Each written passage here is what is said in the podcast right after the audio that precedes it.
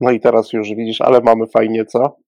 Fajnie, wszystko tutaj dzisiaj idzie. Kabel się 22 zerwał. stopnie, nawet trochę cieplej chyba niż na zewnątrz.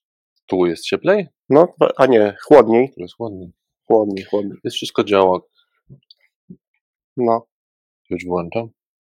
Kabel się zerwał, e, sok mi się pobrudził. Teraz jeszcze same się przygody herbata. masz dzisiaj przed audycją. herbata, Znaczy, że dobra audycja nie, będzie. właśnie tak.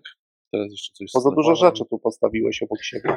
Książka, soczek, sok, herbata, No bo to jest taki, wiesz, Houdini. odż- A, nie wiem, czy możemy reklamować kogokolwiek. A, możemy, bo to my decydujemy, e, o czym tu mówimy. To możemy chyba, Możemy. nie? To jeszcze się napije, ale może jak będzie jingle. Hmm. No dobrze, tak, to mówisz, że będzie dobra audycja z tego powodu, że, nie, że, wszy- że się wszystko wali. Bo było troszkę tutaj, ale, Nie, to, no ale to nie, no, ten kabelek, no tam. Ale to nie z powodu technologii, tylko nie. to było tak dlatego, że e, nóżki ktoś ma za długie. Albo kabelki za wysokie, Albo- no. O, kabelek. O, słyszysz, panie Maciek? E, Mówimy do naszego tutaj kontrolera lotów. Za wysoko był kabel. To co to był kabel? Kable wszystkie powinny być Nie, dokładnie pochowane. Powinny być podziemią. pochowane. Tak. Zawsze właśnie gdzieś na tych eventach, wiesz, jak przygotowują, to wszędzie te kable pieczołowicie Podobno- przyklejane do, do różnych miejsc, Wro- bo już nie jedną historię widzieli. Nie wiem, czy to nie jest urban legend, ale we Wrocławiu, jak był, jak Wrocław był mm, tym europejskim miastem kultury, A tak, ja wtedy To byłem wielka na, na impreza kongresie. padła na początku, bo y, całe zasilanie przegryzł y, jakiś zwierz y, i nie mogli długo się doszukać. A, odliczanie, że już znikamy Zaraz, na tak. dżingla, dobra. Ale znikamy. fajny był wtedy kongres kultury europejskiej. Koło Bendyka siedziałem, Mm, więc uczestniczyłem w rozmowie. już jest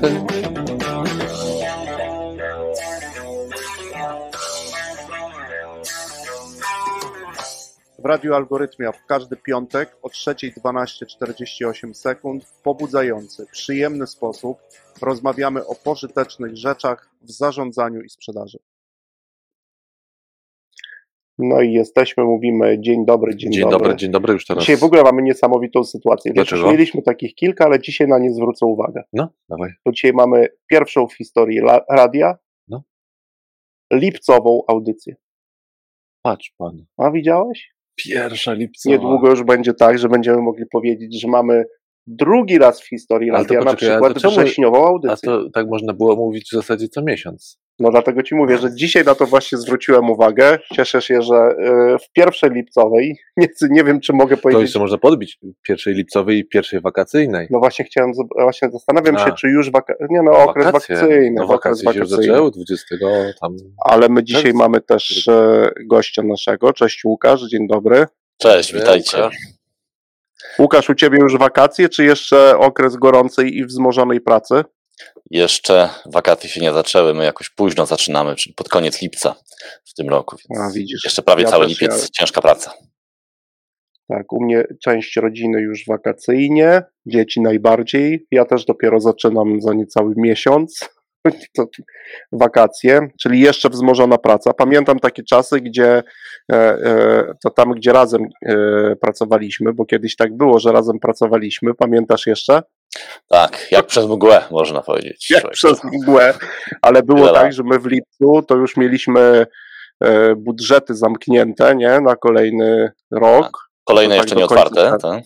Tak, Tak, kolejne jeszcze, nie, jeszcze nawet nie było niektórych, tylko na papierze były. tak, tak, tak. W wyniku różnych rozmów i negocjacji, i część z nas wybierała się w długą podróż na drugi kontynent. tak. Na dru- Przyjemny tak, czas tak, to to był, trzeba Zawodowo ten wciąż. lipiec. Tak. tak, tak, za, zawodowo, zawodowo. zawodowo wybieraliśmy się. No dobrze to.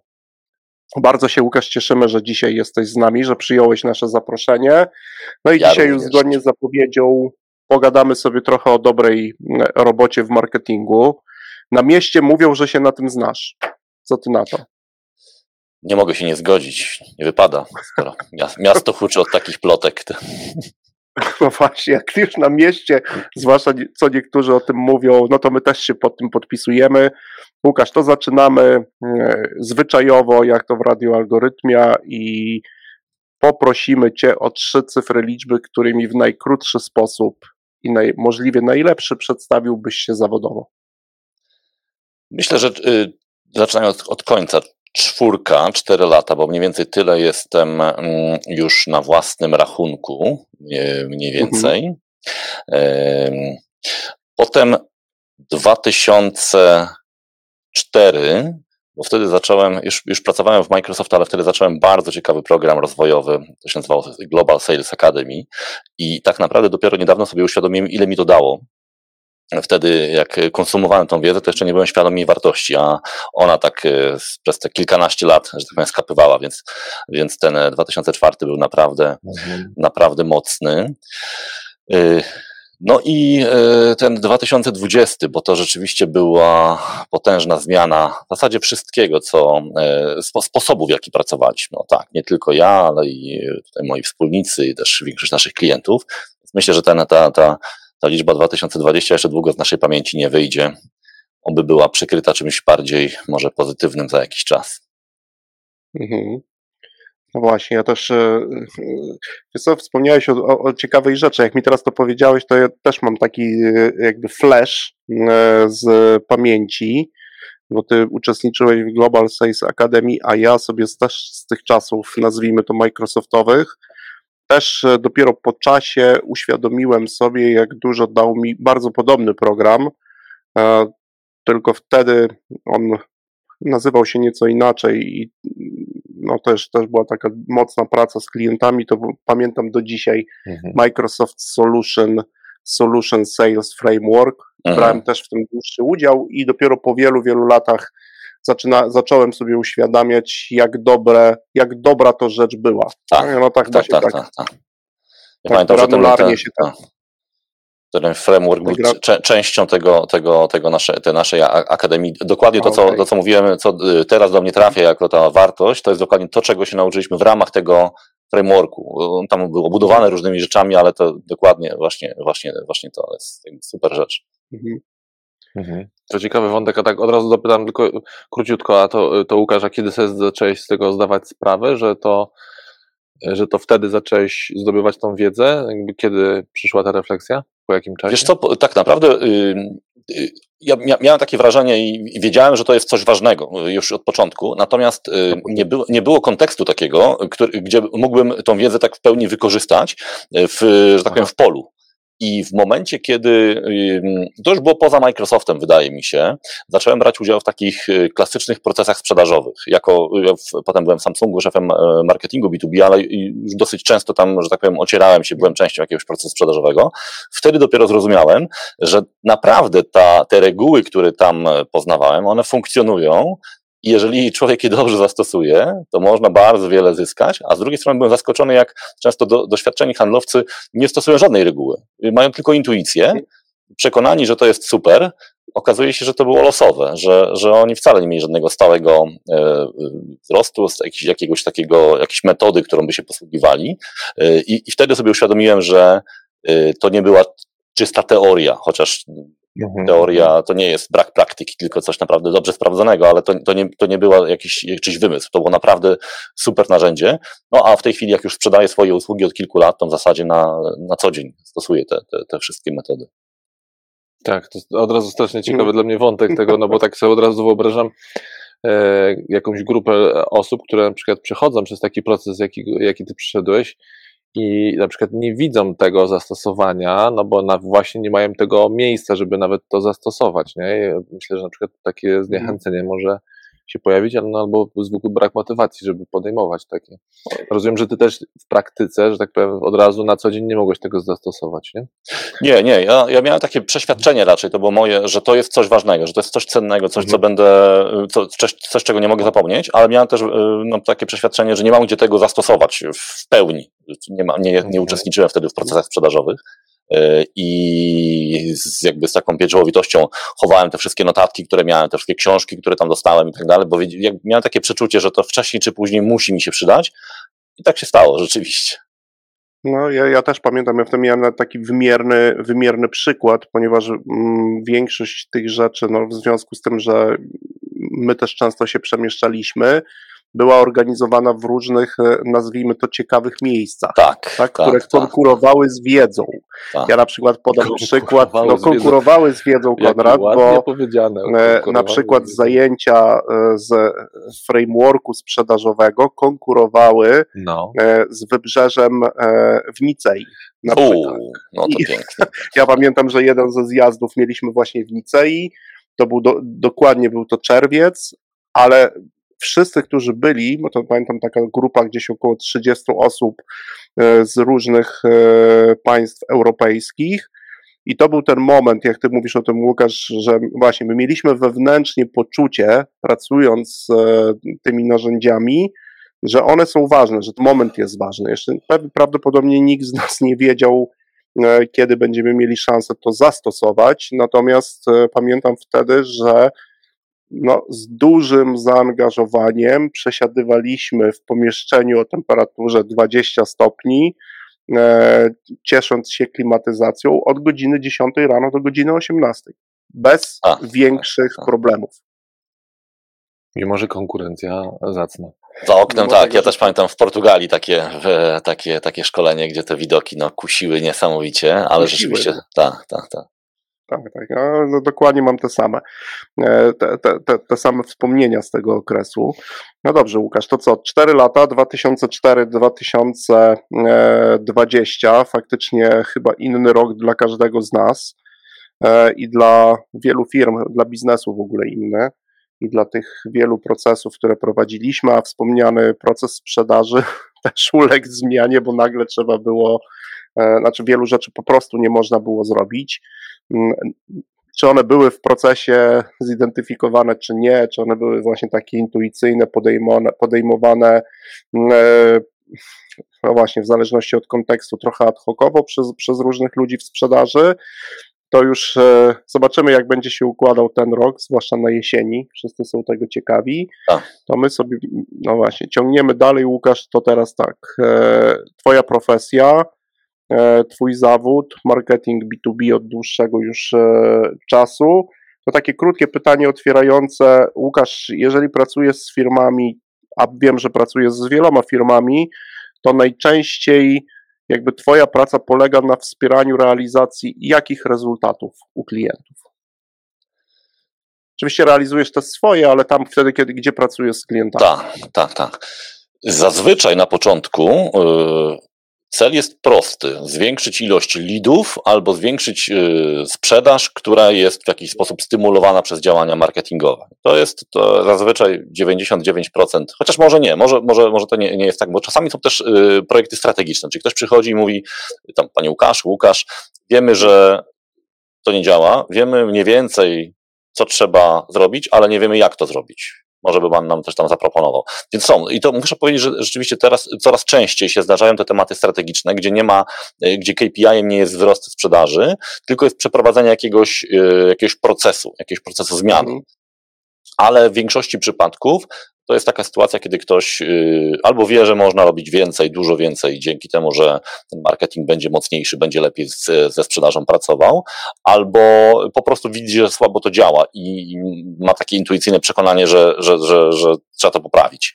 W B2B niestety bardzo często jeszcze e, zaczynamy z, tak, z dosyć niskiego poziomu, muszę powiedzieć, tą pracę nad, e, nad marketingiem, nad współpracą marketingu i sprzedaży.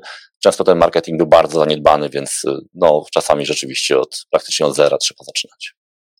Mhm.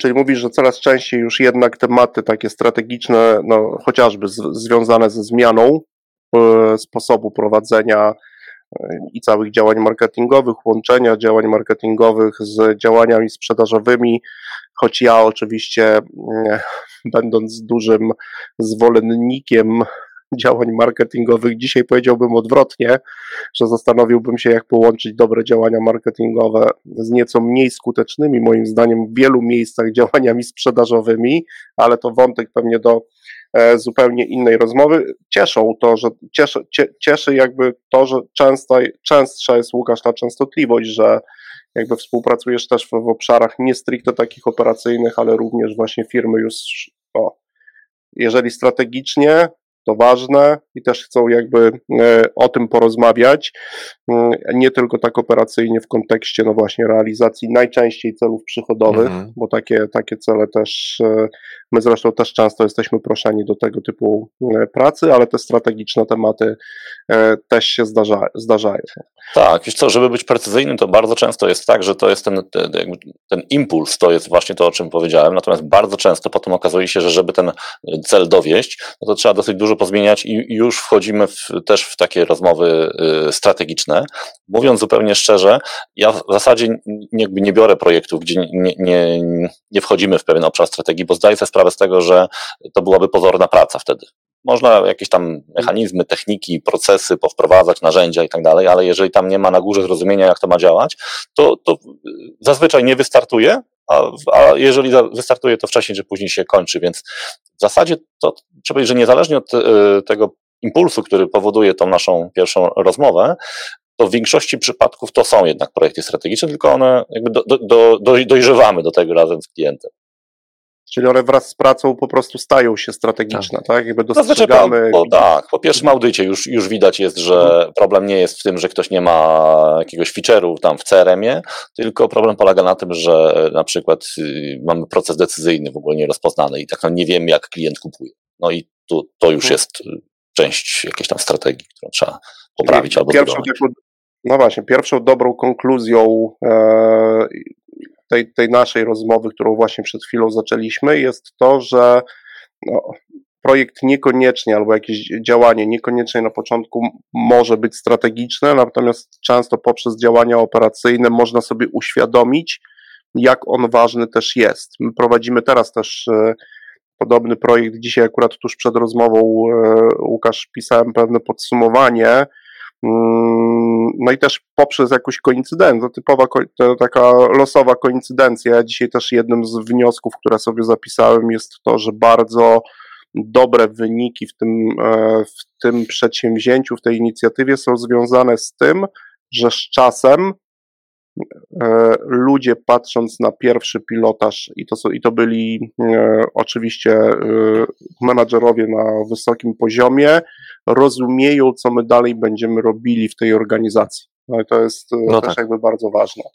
I wręcz wspierają, mhm. pytają, dopytują, co też było dla mnie i jest to dla mnie budujące, choć jeszcze często zaskakujące, że pytają, no dobrze, a jaka będzie moja rola w tym procesie? Nie tam wiesz, że ja jestem gdzieś z boku, popatrzę i powiem innym, żeby to robili, tylko wręcz mówią, no dobrze, a jaka będzie moja rola? Co ja będę robił? Bo chcę w tym procesie być i coś robić, nie? wymarzona sytuacja, można powiedzieć, w projekcie, tak? Ktoś pyta o, o pracę dla siebie, tak?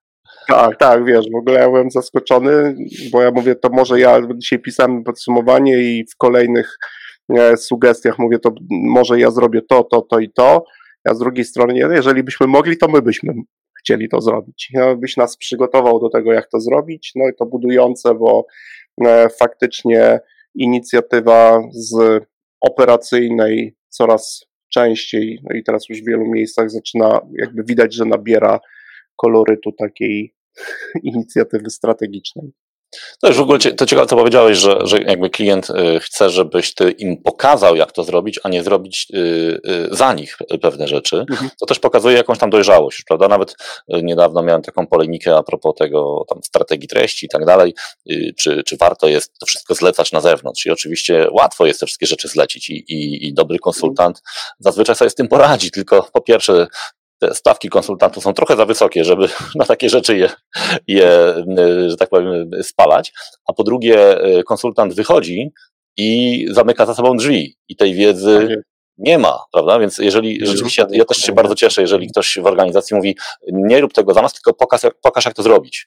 Y, bo, bo mhm. wtedy ja, ja, też wiem, że to zostanie, że ten klient nie, też nie zamknie drzwi za mną, tylko te rzeczy będą się działy. Więc to, to rzeczywiście, mając takich klientów, jeżeli nie musisz do tego namawiać, to, to, to jest bardzo komfortowa sytuacja, można powiedzieć. No właśnie, Łukasz, stawiamy kropkę po pierwszej części, będzie e, set muzyczny, do którego za chwilkę nawiążemy po przerwie, a pierwszą naszą część kończymy konkluzją, że dobrze, jeżeli ktoś do nas przyjdzie w trakcie takiej pracy, którą wykonujemy i powie, naucz mnie, jak mam to zrobić i ja to zrobię.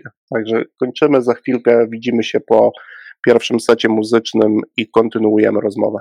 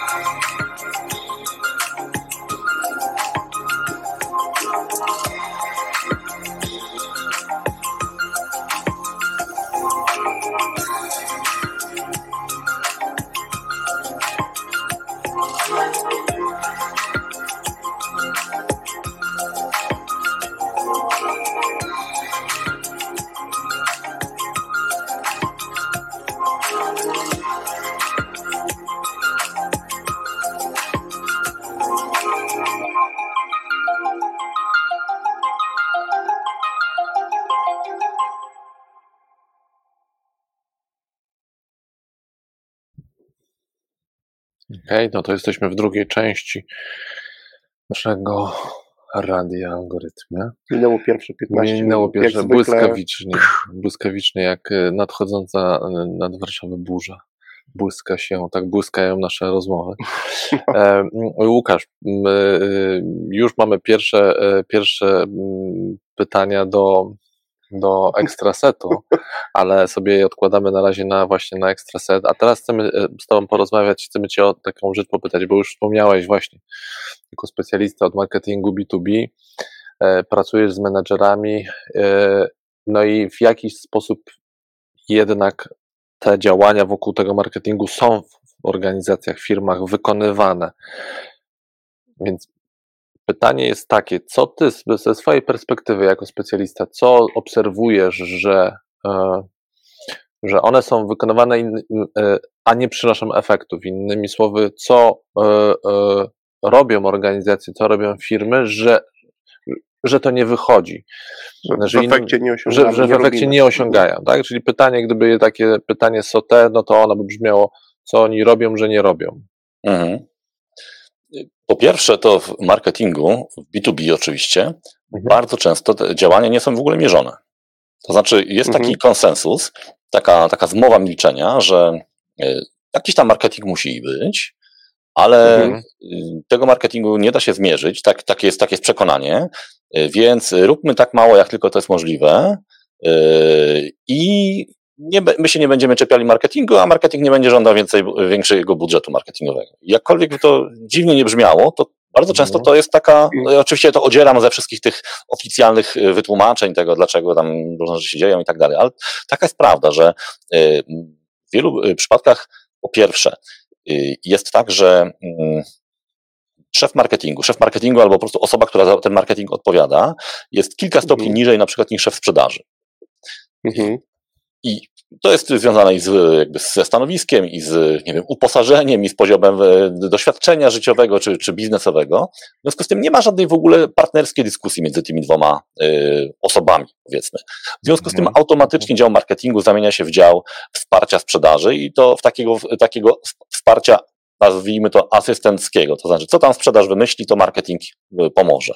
I bardzo często to jest dokładnie to, czego się oczekuje od osoby, która odpowiada za marketing w firmach B2B. Oczywiście ja pomijam te większe firmy, gdzie y, no jest już jakaś jakiś, jakiś zestaw procesów, ale bardzo często w tych firmach, y, znowu szczególnie takich y, polskich, które bardzo szybko rosły, a w, mhm. przyjąłem dużo, dużo klientów z branży IT, z przemysłu, to te branże no, po prostu rosły bardzo dynamicznie. Tam się utarło, mhm. że to jest po prostu dobry, dobry sposób. I teraz mhm. od kilku lat dopiero przychodzi taka refleksja, bo szefowie tych firm często, nie wiem, y, chodzą na jakieś zajęcia, na jakieś, no ja też y, prowadzę zajęcia na, chociażby na Koźmińskim, na, na, na MBA-u, na różnych innych zajęciach, więc tam, oni tam też tam słyszą tą dobrą nowinę, że to może inaczej działać, no i dociera to do nich, że rzeczywiście e, trzeba było coś zrobić. Ale tu jest druga, drugie zaskoczenie. E, marketingowi wcale to nie przeszkadza. To znaczy ta mętna woda, mhm. w której pływamy, e, wielu, wielu, oczywiście nie wszystkim, wielu marketerom nie przeszkadza, bo nikt niczego od nich nie oczekuje nie wymaga. Nie? Tak, kolokwialnie. Sprzedawcą, tak, sprzedawcą grillowani co tydzień na przykład, tak, a marketing w tym czasie już myśli, co będzie, to znaczy w piątki są te spotkania, e, a, a, a, a marketing w tym czasie już planuje weekend, prawda? Więc to jest okej. Okay. Ja, ja mhm. to czasem tak nazywam, że jest to takie schowanie marketingu do schowka na szczotki. Ciasno, duszno, ale nikt niczego nie chce, prawda? I tak sobie ten marketing wyrytuje. Tak, tak, ale tak. To, to, poczekaj, bo Łukasz, bo e, tak na chwilkę chcę cię zatrzymać, bo chcę mhm. sprawdzić, czy ja dobrze zrozumiałem, w sensie tak, to jest dla słuchaczy. Czyli jedną z rzeczy, które w marketingu się robi, a w efekcie tego się nie osiąga, to znaczy, że się nie mierzy. Tak. Nie, nie, nie prowadzi, się, tak. prowadzi się działania marketingowe bez pomiaru. Tak, na tak? przykład, bo inni tak robią, dokładnie tak. I to, to, to działanie mhm. się nie tylko prowadzi, ale i planuje tak naprawdę, bo, bo y, bardzo często to jest w ogóle już błąd na, na etapie planowania, że jakby my wymyślamy sobie inicjatywy, mhm. których nie da się zmierzyć na przykład. Wiemy, że nie mamy budżetu tak, albo narzędzi, że, że, uh-huh. Wspomniałeś o tym, że jest takie przekonanie wśród, y, wśród tego środowiska, a masz jakiś pomysł, skąd to przekonanie, gdzie jest jego źródło? Skąd tak, się wzięło to przekonanie, tak. że marketingu się nie mhm. mierzy, czy też nie powinno się mierzyć, czy też nie da się mierzyć? No nie wiem, jak Albo to przekonanie nie chce się brzmi, mierzyć, bo wtedy tak. wiesz, ktoś cię z tego rozliczy, nie? Tak, to jest kilka, kilka przyczyn. No jedna, to jak być może pamiętacie to powiedzenie pana Wanamakera, który powiedział, że wiem, że połowa mojego budżetu marketingowego jest przepalana, tylko nie wiem, która no to, jest, to pochodzi z lat 70., 60. w zasadzie, kiedy tam dopiero telewizyjne reklamy wchodziły, 70., przepraszam, kiedy te, te, telewizyjna reklama wchodziła i faktycznie wtedy tego, tych narzędzi pomiarowych nie było zbyt, zbyt wiele, zresztą telewizje też nie, nie bardzo się garnęły, żeby, żeby pomiar skuteczności reklamy prowadzić, bo z tego samego powodu bały się, że ona byłaby naprawdę słaba, ta, ta, ta skuteczność. Y, potem w B2C bardzo się rozwinęły te wszystkie metodyki marketingowe i tak dalej, ale ponieważ y, znowu mówimy o, o polskim podwórku, y, oprócz korporacji, Zdecydowana mhm. większość firm B2B, y, które teraz y, no, święcą triumfy i tak dalej, zaczynały z bardzo niskiego pułapu. To były firmy, które albo były jakimiś podwykonawcami, albo y, po prostu sprzedawały na przykład y, jakieś komponenty, a potem zaczęły je produkować, bo, bo, bo, bo, bo, mhm, tak, bo mhm. były takie okoliczności. Oni się bardzo szybko rozwijali, bez marketingu, można powiedzieć. Znaczy bez, działu marketingu. Jakiś tam marketing, jakieś działania były prowadzone, nawet, nawet pewnie nie, nie, nie nazywali tego w ten sposób. W związku mhm. z tym utarło się, że w B2B ten marketing nie jest taki ważny. Z drugiej strony y, okazało się, że y, no, handlowcy są kluczowi w B2B, prawda? Tak, to jest mhm. prawda. To znaczy, no, wciąg, ciągle jeszcze w większości przypadków bez roli y, porządnego handlowca ciężko jest prowadzić sprzedaż szczególnie tych trudnych, y, trudnych produktów. Właśnie w przemyśle, w, Mhm. w IT, no to to jest y, do, dominujący sposób sprzedaży, pomijając takie, te, powiedzmy, te nowe modele sa- SaaSowe, powiedzmy. I teraz z jednej strony jest taki właściciel firmy, który, umówmy się, nie ma bazy naukowej, metodycznej, tak? Po prostu rozwinął firmę i oczywiście, że du, duży tak, szacunek, ale on, on to robił w dużym stopniu intuicyjnie i takim swoim siłą przebicia, ryzykiem, yy, wiedzą czasami merytoryczną o produkcie jako takim, ale nie o, nie o sprzedaży czy marketingu. Więc pierwsza rzecz, która mu przychodzi do głowy, to jest zbuduj sobie dział sprzedaży, chłopie, bo, bo ci ludzie będą dla ciebie pracowali. I rzeczywiście buduje, widzi, że to działa, no bo sprzedaż się mierzy, prawda? Yy, Mhm. Albo sprzedaje, albo nie sprzedaje. Mamy jakieś stałe koszty, tam powiedzmy pensja, premia, powiedzmy uposażenie, wyposażenie, yy, jakieś tam budżety reprezentacyjne, ale to jest wszystko mierzalne bardzo łatwo, to się da zrobić w kalkulatorze. tak. Mhm. E, m, Na chwilę ci przerwę, Łukasz, bo, Tak, bo, tak, bo, tak. bo, bo, przepraszam, bo chcę dopytać jeszcze właśnie o Mhm. jedną rzecz, bo powiedziałeś, że no, to jest, jakby odniosłeś się do polskiego podwórka, tak? W takim Tak. sensie, że to u nas. E, No ale e, no, byliśmy, czy też jesteśmy wciąż w jakimś tam, nazwijmy to, szczególnym mm, miejscu, że tak powiem, historycznie i tutaj ten nasz wo, wo, rynek w ogóle inaczej się trochę rozwija niż w porównaniu do krajów chociażby zachodnich. Ale chcę się spytać, no, czy, czy to by oznaczało, że na rynkach zachodnich marketing również nie był mierzony, czy był mierzony, a my, mówię, patrząc z tej perspektywy, wiedzieliśmy, że tam mierzą, ale żeśmy przymykali oko i mówimy, to u nas nie będziemy mierzyć, bo to mnie zaciekawiło, no bo, Mhm. bo teraz jakby tłumaczysz, okej, no po- nazwijmy to polską specyfiką, tak, no dobra, że tak powiem, siłą rzeczy można by trochę by powiedzieć, no nie było na to czasu, nikomu na to nie przyszło do głowy, no bo i tak się, bo i tak się firma rozrastała, no to okej, no ale, Tak. Ale jak, ale jak y, nas gdzie indziej z tym było, no mówię, gdzie indziej poza Polską. z tego co wiem, no bo też nie, nie jakby nie- dużo więcej działam na rynku polskim, trochę też przy tej ostatniej książce miałem okazję rozmawiać z kilkudziesięcioma osobami, które zajmują się tym marketingiem na, w całej Europie. I rzeczywiście trochę też wymieniliśmy między sobą uwag, to y, ta polska specyfika polega na tym, że nawet w stosunkowo dużych firmach to przekonanie o y, tym, do takiej drugorzędności marketingu ciągle się utrzymuje. Y, Z tego, co zauważyłem na przykład na rynku nie, tam niemieckim, czy Dach, y, mniej na brytyjskim, na rynek brytyjski jest bliższy jednak am- amerykańskiemu y, rynkowi, gdzie, gdzie rola marketingu jest większa, po prostu te rynki są, te firmy w większości działają na, na, w międzynarodowym środowisku, nie da się tego zrobić bez marketingu.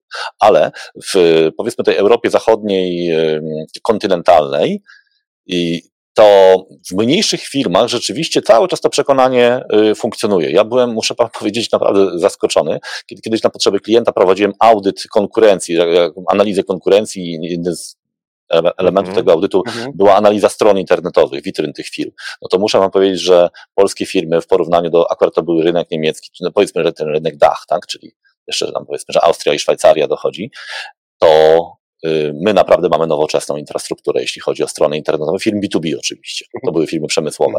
Tam rzeczywiście Muzeum Techniki, to było niesamowite, jak, jak, jak te firmy niewiele inwestowały, ale to są firmy mniejsze, one mogą mieć duże, Mhm. e, duże doświadczenie i tak dalej, ale, to, ale w już większych organizacjach ta rola marketingu zaczyna rosnąć, y, znowu ze względu na też profesjonalizację kadry menedżerskiej, czyli w tych firmach zachodnich rządzi już któreś pokolenie zazwyczaj, czyli nie ma już ojców założycieli. Ojcowie założyciele już w tej chwili e, kupują e, tam bitcoiny i, i jeżdżą i tam opowiadają, jak, jak żyć, prawda? A pracują już dla nich menedżerowie wynajęci. To są ludzie, którzy no, muszą tą swoją wiedzę bronić w jakiś sposób, mają często wykształcenie kierunkowe i oni y, profesjonalizują te, te organizacje. Mhm. W, to mówiąc o tej polskiej specyfice, to znowu to, to też nie jest takie czarno-białe, bo są oczywiście już firmy, które, gdzie już ta wymiana pokoleniowa nastąpiła. To jest ten moment w ogóle. My teraz rozmawiamy mniej więcej te powiedzmy 4-5 lat wstecz i jeszcze te kolejne 5 lat, to jest bardzo, to jest moment bardzo intensywnej wymiany pokoleń, no bo mamy, no jakby te firmy zaczynały w roku 90, więc dokładnie 30 lat od y, tego momentu. I tam, gdzie już właściciele oddają stery, zazwyczaj właśnie menedżerowie e, zaczynają o tym myśleć. I to często Mhm. właśnie w- nawet w mniejszych organizacjach. Tam, gdzie ciągle ten ojciec założyciel rządzi, oczywiście uśredniam, bo to różnie bywa, ale widzę, że w większości przypadków jeszcze ciągle y, ta dyskusja o w ogóle podziale y, obowiązków, o strategii firmy jest jeszcze y, przed nami. To, i, to, I to zazwyczaj cierpi na tym marketing, bo on jest uważany za coś takiego, za ten element takiego kosztu, działania reprezentacyjne. Ja czasami pytam w ogóle na, też na różnych szkoleniach, z czym się kojarzy marketing. Ostatnio nawet na MBA na Koźmińskim właśnie zadałem to pytanie i tam właśnie było manipulacja, e, reklama, nachalna promocja i tak dalej.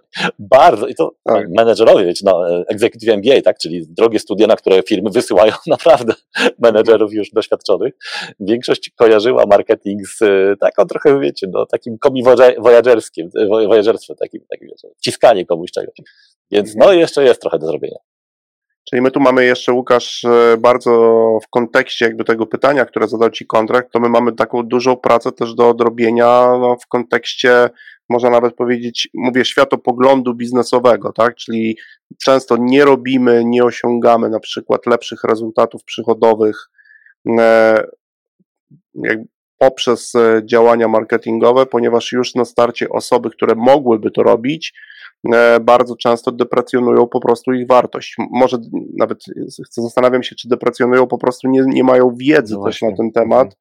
Często to tak. też deprecjonuje wtedy, kiedy, ale no, jeżeli ktoś mi coś mówi, no to wtedy mówię, nie, nie, to my tutaj tradycyjnie pójdziemy cały czas tą drogą, ale gdzieś tutaj te założenia, czyli jeszcze ogromna praca przed nami, taka światopoglądowa do tego, żeby to zmienić, pokazać, no ty to robisz już e, od wielu lat e, dość umiejętnie i dobrze. To, to już jakby z naszej strony. E, dwie dobre książki, trzecia też. Ja jeszcze trzeciej całej nie przeczytałem, jestem w trakcie, ale ta trzecia mm, jest bardzo też ciekawą pozycją, a teraz jeszcze tym bardziej zwiększyłeś moją e, ciekawość do przeczytania całej książki, no, że mieliście jeszcze okazję bardzo dość dużą, liczną grupą specjalistów z różnych krajów sobie porozmawiać o tym. No ja się tak trochę w kontekście tej książki chcecie zapytać, kończąc prawdopodobnie za chwilę drugi wątek tej, tej audycji, no dobrze, to ten marketing biznesowy to bardziej sztuka czy nauka?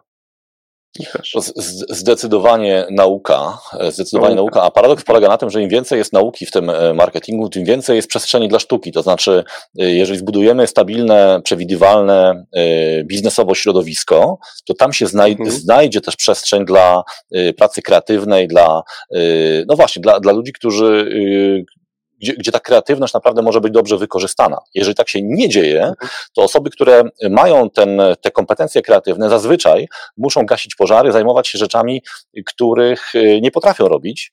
I wtedy y, no, budują właśnie ten obraz marketingu jako takiego kolorowego ptaka. Kiedyś pamiętam, jak miałem e, tak zwany shadowing, czyli szedłem z klientem i obserwowałem, jak się zachowuje i ten klient, e, szef marketingu wchodził na spotkanie zarządu i ktoś tam z zarządu mówił, o, teraz będzie przerwa na reklamę. W takim sensie, że teraz będzie coś fajnego, takiego lekkiego. Niesamowite było to, że on myślał, że to jest, że to jest dobra rzecz, że, że, że, on, mhm. że tak powinno być. Natomiast no, był traktowany jak maskotka po prostu w tej firmie. A dlatego właśnie, mhm. że tam dominował ten element artystyczny, a nie był, nie był z, z, jakby zbalansowany po prostu no, robotą menedżerską, pokazywaniem, co z tego wynika. To znowu trochę nie działa, Łukasz, w dwie strony, że trochę też, mm, no być może teraz ja tutaj podzielę się pewnie jakimś swoim stereotypem, że to marketingowcy trochę sami też sobie też takiego... Że są sami sobie winni? No, że, sobie trochę, że się, tak, tak, tak, że się tak, trochę w te piórka sami ubierają. To jest mój punkt, zdecydowanie tak. Znaczy, mówiąc zupełnie wprost, to ja uważam, że 80% winy za ten stan rzeczy, y, mówimy o perspektywie konkretnej firmy, ponoszą marketerzy. Tak, bo oni, no wiecie, y, za co nam płacą jako marketerom? Za przekonywanie, tak? Za zmianę czyjegoś myślenia. Więc jeżeli ja nie potrafię przekonać moich y, współpracowników, y, mojego przełożonego, że trzeba coś zmienić, to znaczy, że ja jestem, może nie jestem słabym marketerem, ale trzeba sobie zdawać sprawę, ja jestem y, słabym w sensie mocy przekonywania. Mogę, mogę być dobrym marketerem, ale w innej organizacji na przykład, tak? tak Więc tu się zgadzam. Znaczy, y, to jest często wygodne w ogóle tych marketerów. Oni uważają, że tak powinno być. I to, i to jest problem prawdziwy. No, to jest faktycznie nie, nie, niełatwo mhm. jest kogoś przekonać i faktycznie z nauki możemy wielu rzeczy się już na ten temat też dowiedzieć e, tego procesu. E, patrzę na czas i myślę, że dobry czas na drugi e, set muzyczny i po chwilę krótkiej przerwie muzycznej spotykamy się Łukasz po raz trzeci.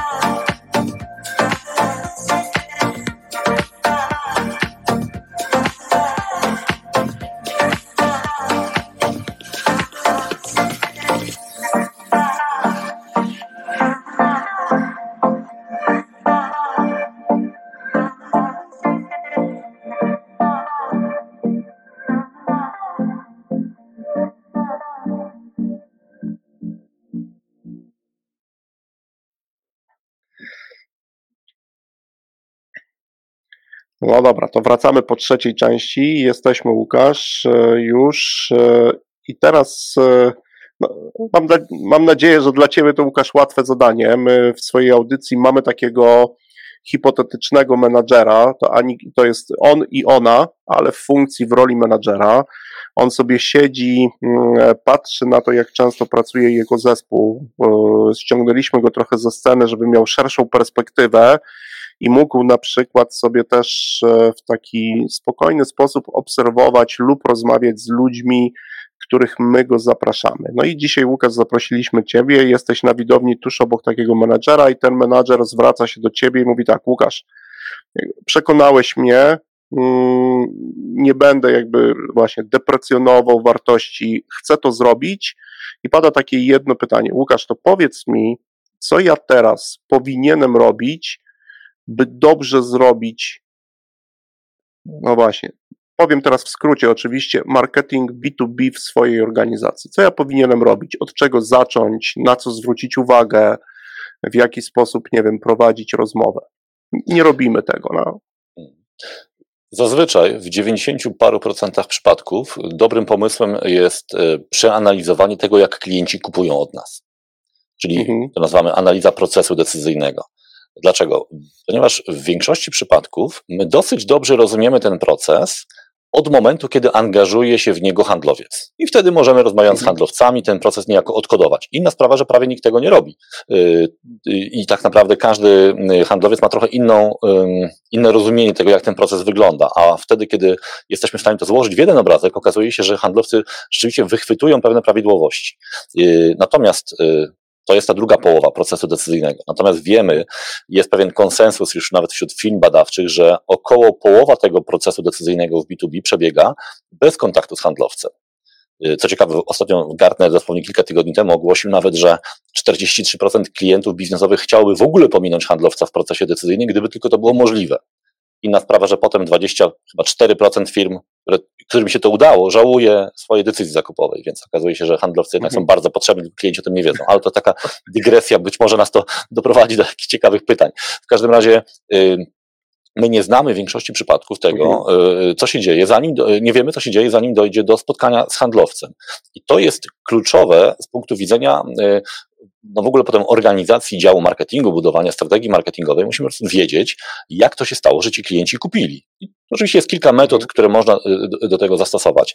W ogóle ten proces sam w sobie, to odkodowywanie tego procesu decyzyjnego naszych klientów jest niesamowicie y, taki rozwijający, nie tylko dla y, marketerów, ale też i dla handlowców, bo oni nagle zaczynają rozumieć, z czego wynikają pewne pytania klientów. Dlaczego na jednym spotkaniu wszystko idzie super, a na innym czują się jakby byli przesłuchiwani przez e, prokuratora y, i tak dalej, bo to jest właśnie efekt tego, że pewne rzeczy zaniedbaliśmy na tym etapie przed spotkaniem z handlowcem albo zrobiliśmy dobrą robotę.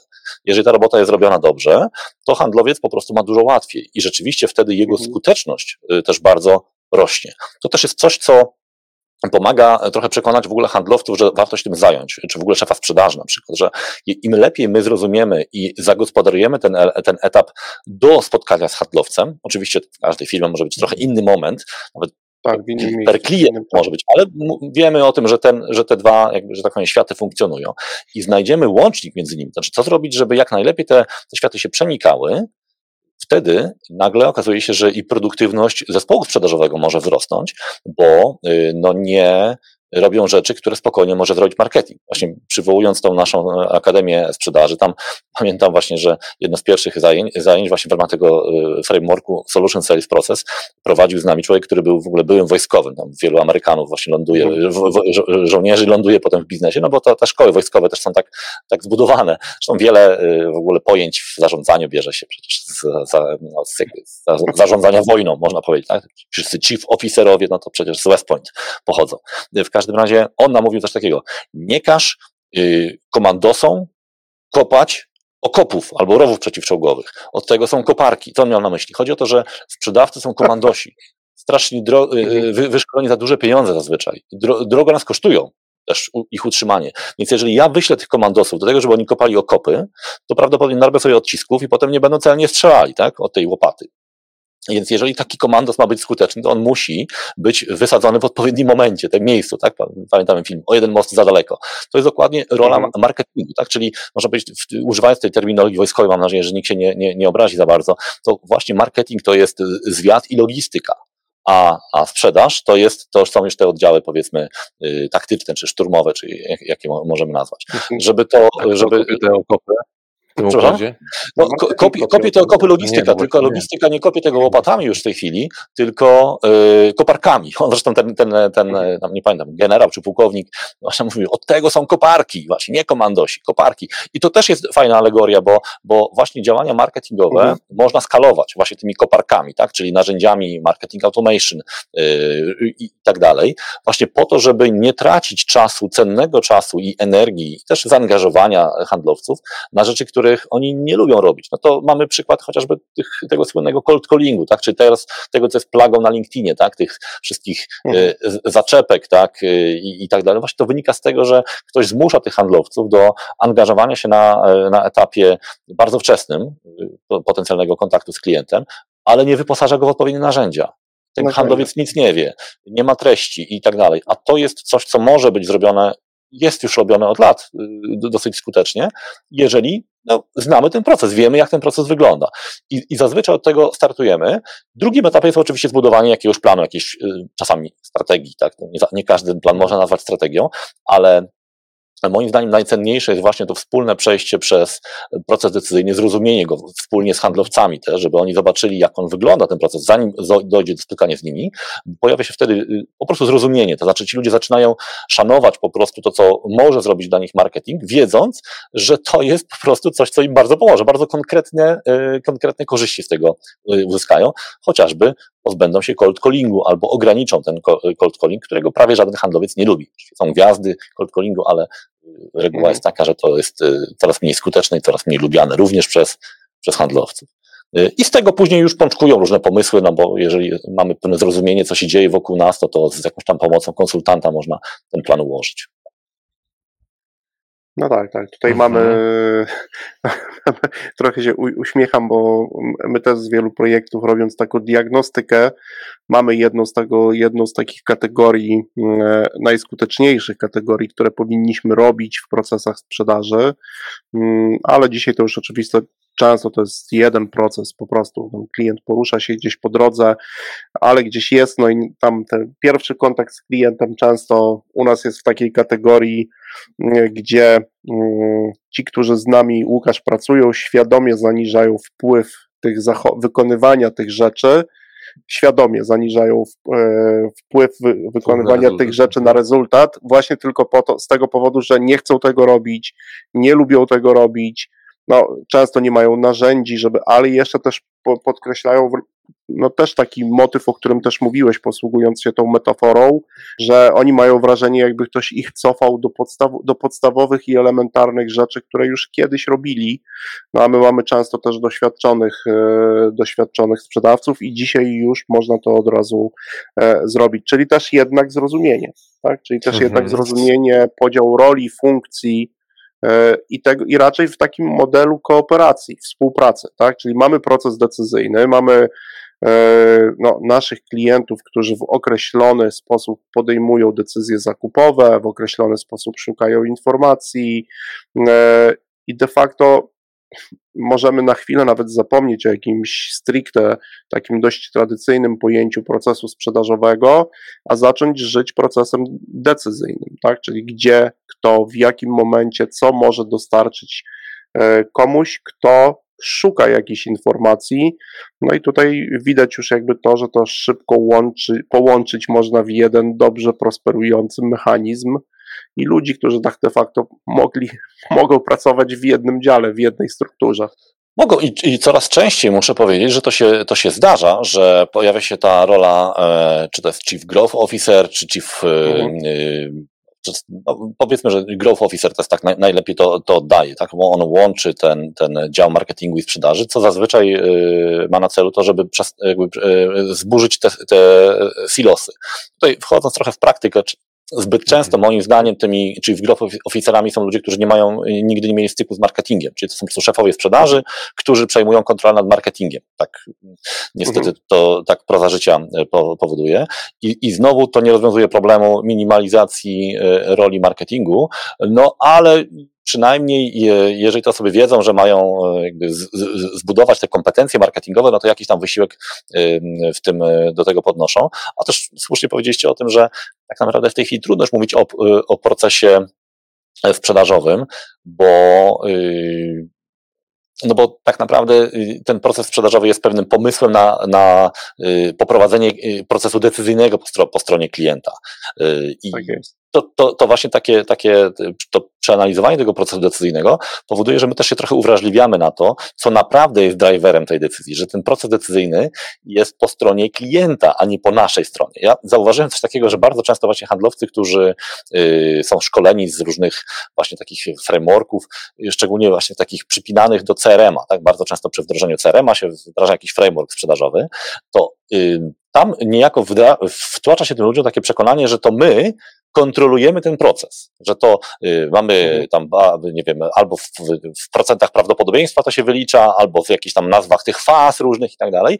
I y, panuje takie przekonanie, że to, y, że to, że to ja tutaj to implikuję. Oczywiście handlowiec ma bardzo duży, powinien mieć przynajmniej wpływ na decyzję klienta, ale jednak tym, co przesuwa te pionki po szachownicy, to jest zmiana decyzji po stronie klienta, a nie jakaś zmiana decyzji po stronie handlowca. Powiedzmy. On powinien na tą decyzję klienta wpłynąć. Tym, tym bardziej powinien rozumieć, yy, co tam się dzieje, no bo wyznacznikiem jest proces właśnie zakupowy, decyzyjny, to co, to, co, to, co powiedzieliście. Ja wiem, że to jest taki niuans, ale on w, wtłoczony w praktykę powoduje, że y, przestajemy się posługiwać jakimiś takimi sztucznymi podziałami chociażby właśnie część marketingowa i część sprzedażowa procesu sprzedaży. Hmm. Nie ma czegoś takiego, bo y, handlowiec, bo klient może być y, na kilku etapach jednocześnie, może pozyskiwać y, generalną wiedzę na, na etapie budowania świadomości, a jednocześnie przy okazji już sobie oglądać narzędzia, które mogą się tego przydać. I teraz handlowiec wychwyci to, że on po, pobrał, nie wiem, broszurkę o, pro, hmm. produkcie i już go tam gdzieś kwalifikuje w 80% procesu sprzedażowego. A ten klient, no jak trochę jak w fizyce kwantowej, no ma dwa stany po prostu i, i trzeba sobie z tym radzić jakoś. Więc y, y, ta uwrażliwienie na to, że to jest proces po stronie klienta, a nie po naszej stronie, on powoduje, że y, no i też handlowcy się rozwijają bardzo, bardzo, bardzo ciekawe wnioski, też dyskusje z handlowcami potem mamy, bo to jest potem praca wspólna nad tym, żeby z tego, z tej wiedzy zrobić jakąś, jakąś taktykę czy, czy, czy, czy strategię. Mhm. Ale to z tego by troszeczkę wynikało, jeśli dobrze Cię zrozumiałem, że to mm, tak, nie, nie to, żebym stawał w obronie y, y, handlowców, ale to by... Ja nie stanę w obronie. Ale stawaj, stawaj, wiesz, bo to ja Nie, ale bo trochę tak, jakby to znowu zabrzmiało, mhm. jakby y, jakby znowu cała decyzja, znaczy, bo chyba tutaj pojęciowo by trzeba to rozumieć, bo rozumiem, że decyzja jest oczywiście po stronie tego, kto kupuję, ale no właśnie ja mogę w jakiś sposób wpłynąć na to, o, jak ta, czy też ta, ta. prowadzić ten jego proces. E, mhm. Oczywiście rozumiem, że no z jakimś uwzględ... znaczy z dużym uwzględnieniem tego, że nie mam na wszystko wpływu. Natomiast no rozumiem, że handlowcy być, tak, no jednak to, to, że sobie właśnie w tych CRM-ach zapisujemy te prawdopodobieństwa i szacujemy i mamy to poczucie i myślę, że często nie tylko oparte na poczuciu, ale jednak na, na, mhm. na, na, na realności, że to jednak ja też w jakiś sposób jednak prowadzę ten proces, bo troszeczkę tak zabrzmiało, jakbyś znowu odebrał tym handlowcom Nie, całość. wiesz co, ja bardziej mówię o pewnym, o, o, o jakby świadomości tego, co jest tym procesem tak naprawdę, że my mamy do czynienia z zarządzaniem procesem decyzyjnym klienta. Znaczy nie zarządzamy procesem sprzedaży, to nie ja tutaj decyduję, jako, ja, ja, ja wpływam na decyzję klienta i ja wpływam na te decyzje na różne sposoby.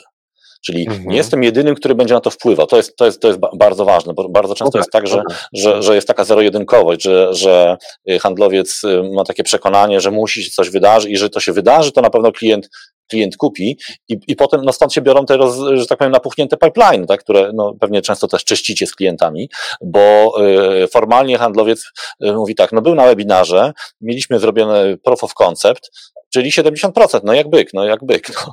I on nie, nawet nie szuka tych innych, tego, tego kontekstu, który wokół klienta może być, że tam jest, nie wiem, konkurent, że klient się rozmyślił i różne inne rzeczy.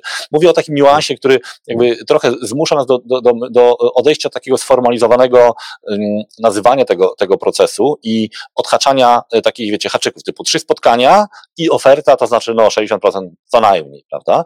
Bo to tak nie jest, bo my widzimy bardzo często, że klient y, z jednej strony już prawie, że negocjuje y, kontrakt, a z drugiej strony pyta o rzeczy zupełnie podstawowe na etapie budowania świadomości. Y, co ciekawe, bardzo często też jest tak, że w ogóle jakby zmienia negocjuje dwa kompletnie różne podejścia do, do projektu. Kiedyś mieliśmy taki projekt, gdzie klient z jednej strony bardzo intensywnie już negocjował zakup oprogramowania, a z drugiej strony negocjował, żeby to wszystko wyoutsourcować w ogóle, do, żeby w ogóle nic nie kupować tak naprawdę. I obie strony miały pewnie tego klienta, czy ja znam jedną perspektywę, pewnie na poziomie 80 paru procent, bo to już był taki daleki, mhm. E, daleki, e, daleki etap. No po prostu my musimy mieć tego świadomość, że klient jest Y, otoczony światem wielokanałowym, że jest atakowany różnymi bodźcami. Jeżeli my te bodźce, y, jeżeli my te bodźce zrozumiemy, wiemy przynajmniej, że jest prawdopodobieństwo czy ryzyko, że on na przykład na LinkedInie jakiś guru go zaatakuje i powie stary, co ty robisz już teraz, nikt ceremów nie wdraża na przykład, to, to my też musimy mieć tego świadomość, że taki, taka, taka narracja funkcjonuje i być na to przygotowany, tak? Bo inaczej to będziemy mhm. żyli w dobrym um, samopoczuciu, aż do momentu, kiedy klient y, powie dziękuję, ale nie, tak? i wtedy no, z 80% robi się zero i, i koszty sprzedaży okay. duże za nami. Temat w góru nam się tutaj przewija, wraca, tak, tak. pewnie dopytamy o to w ekstrasecie. w ekstrasecie. No, poruszamy bardzo wiele różnych wątków.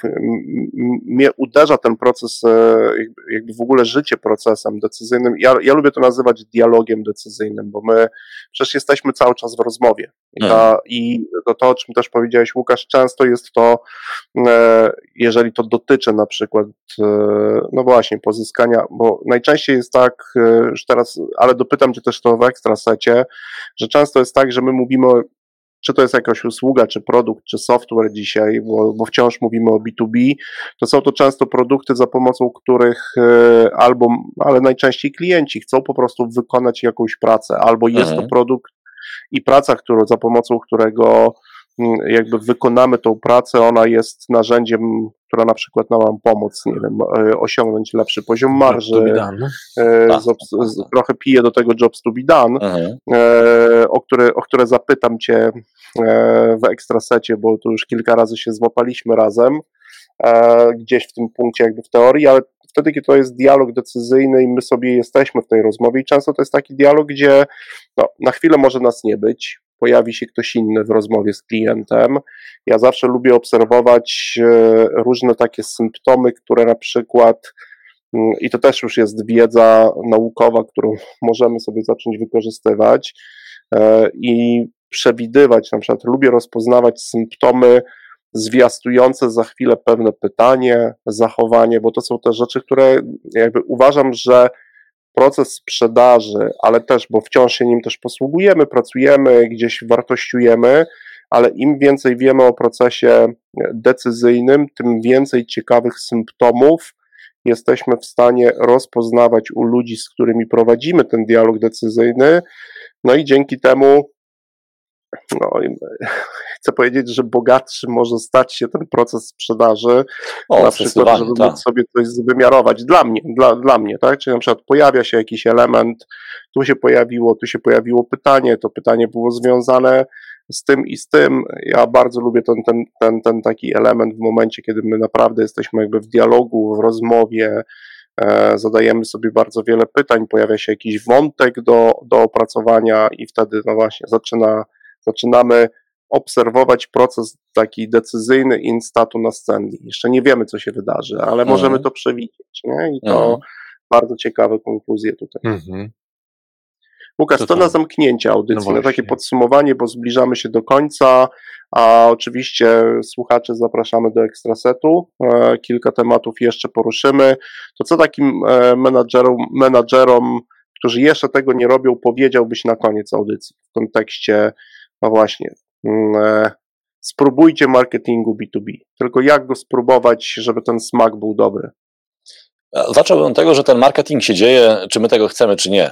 E, wiele rzeczy, które no. robimy, to są działania e, marketingowe, chociażby ustalanie ceny, ustalanie kanałów dystrybucji. To już, to, to, już robimy. Teraz, jeżeli ktoś z Was ma takie przekonanie, że zbyt dużo jest w tym intuicji, a za mało zrozumienia, to to jest dobry moment na to, żeby trochę te mechanizmy zrozumieć. No bo może nie trzeba wiedzieć, jak działa e, silnik, żeby prowadzić auto, ale można mieć trochę więcej wiedzy i wiedzieć, kiedy silnik źle działa, prawda? W sensie mhm. nawet na, na, na dźwięk. Więc, albo żeby go nie zepsuć, tak.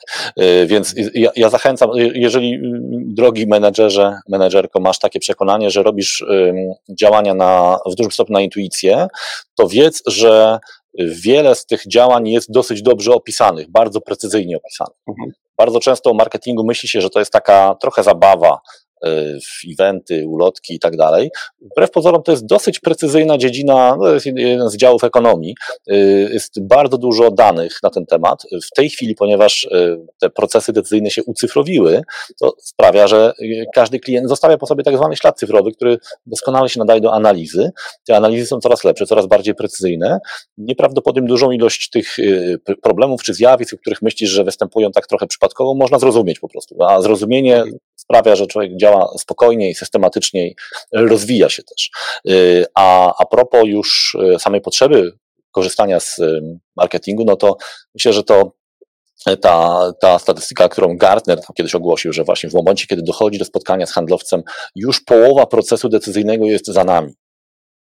Teraz mhm. pytanie, kto tą połowę procesu decyzyjnego y, rozpracował? Czy to my, mhm czy to nasza konkurencja, czy być może zupełnie przypadkowy zestaw informacji klientowi dotarł do głowy. A od tego, jak my to przedpole, jak my tą pierwszą połowę zagospodarujemy, będzie zależało to, jak bardzo skuteczni będą nasi handlowcy, y, jak wiele, jak bardzo szybko rosła będzie nasza firma, jak wiele kosztów można też y, zmniejszyć, czy, czy, czy nawet zupełnie e, zlikwidować. Więc w tej chwili to jest ponad połowa czynników, które wpływają na to, czy my sprzedamy, czy nie. I myślę, że warto z tego powodu znać, jak działa marketing, bo on wpływa co najmniej na połowę tego procesu. No dobra, Łukasz, bardzo Ci dziękujemy. Bardzo dziękujemy. Bardzo dziękujemy słuchaczom. My za chwilkę zobaczymy się e, w Ekstrasecie. E, także wszystkim życzymy dobrego popołudnia. No już teraz na pewno wakacyjnego I teraz weekendu, wakacyjnego weekendu. Już lipcowy to już trudno mówić, tak że to nie wakacyjny, więc tego weekendu dobrego życzymy. E, tych, którzy nas będą odsłuchiwać, też być może oglądać. Ciebie jeszcze raz, Łukasz. Pozdrawiamy. Pozdrawiamy, dziękujemy. Wielkie dzięki. Wielkie dzięki za zaproszenie. Dzięki. Cześć.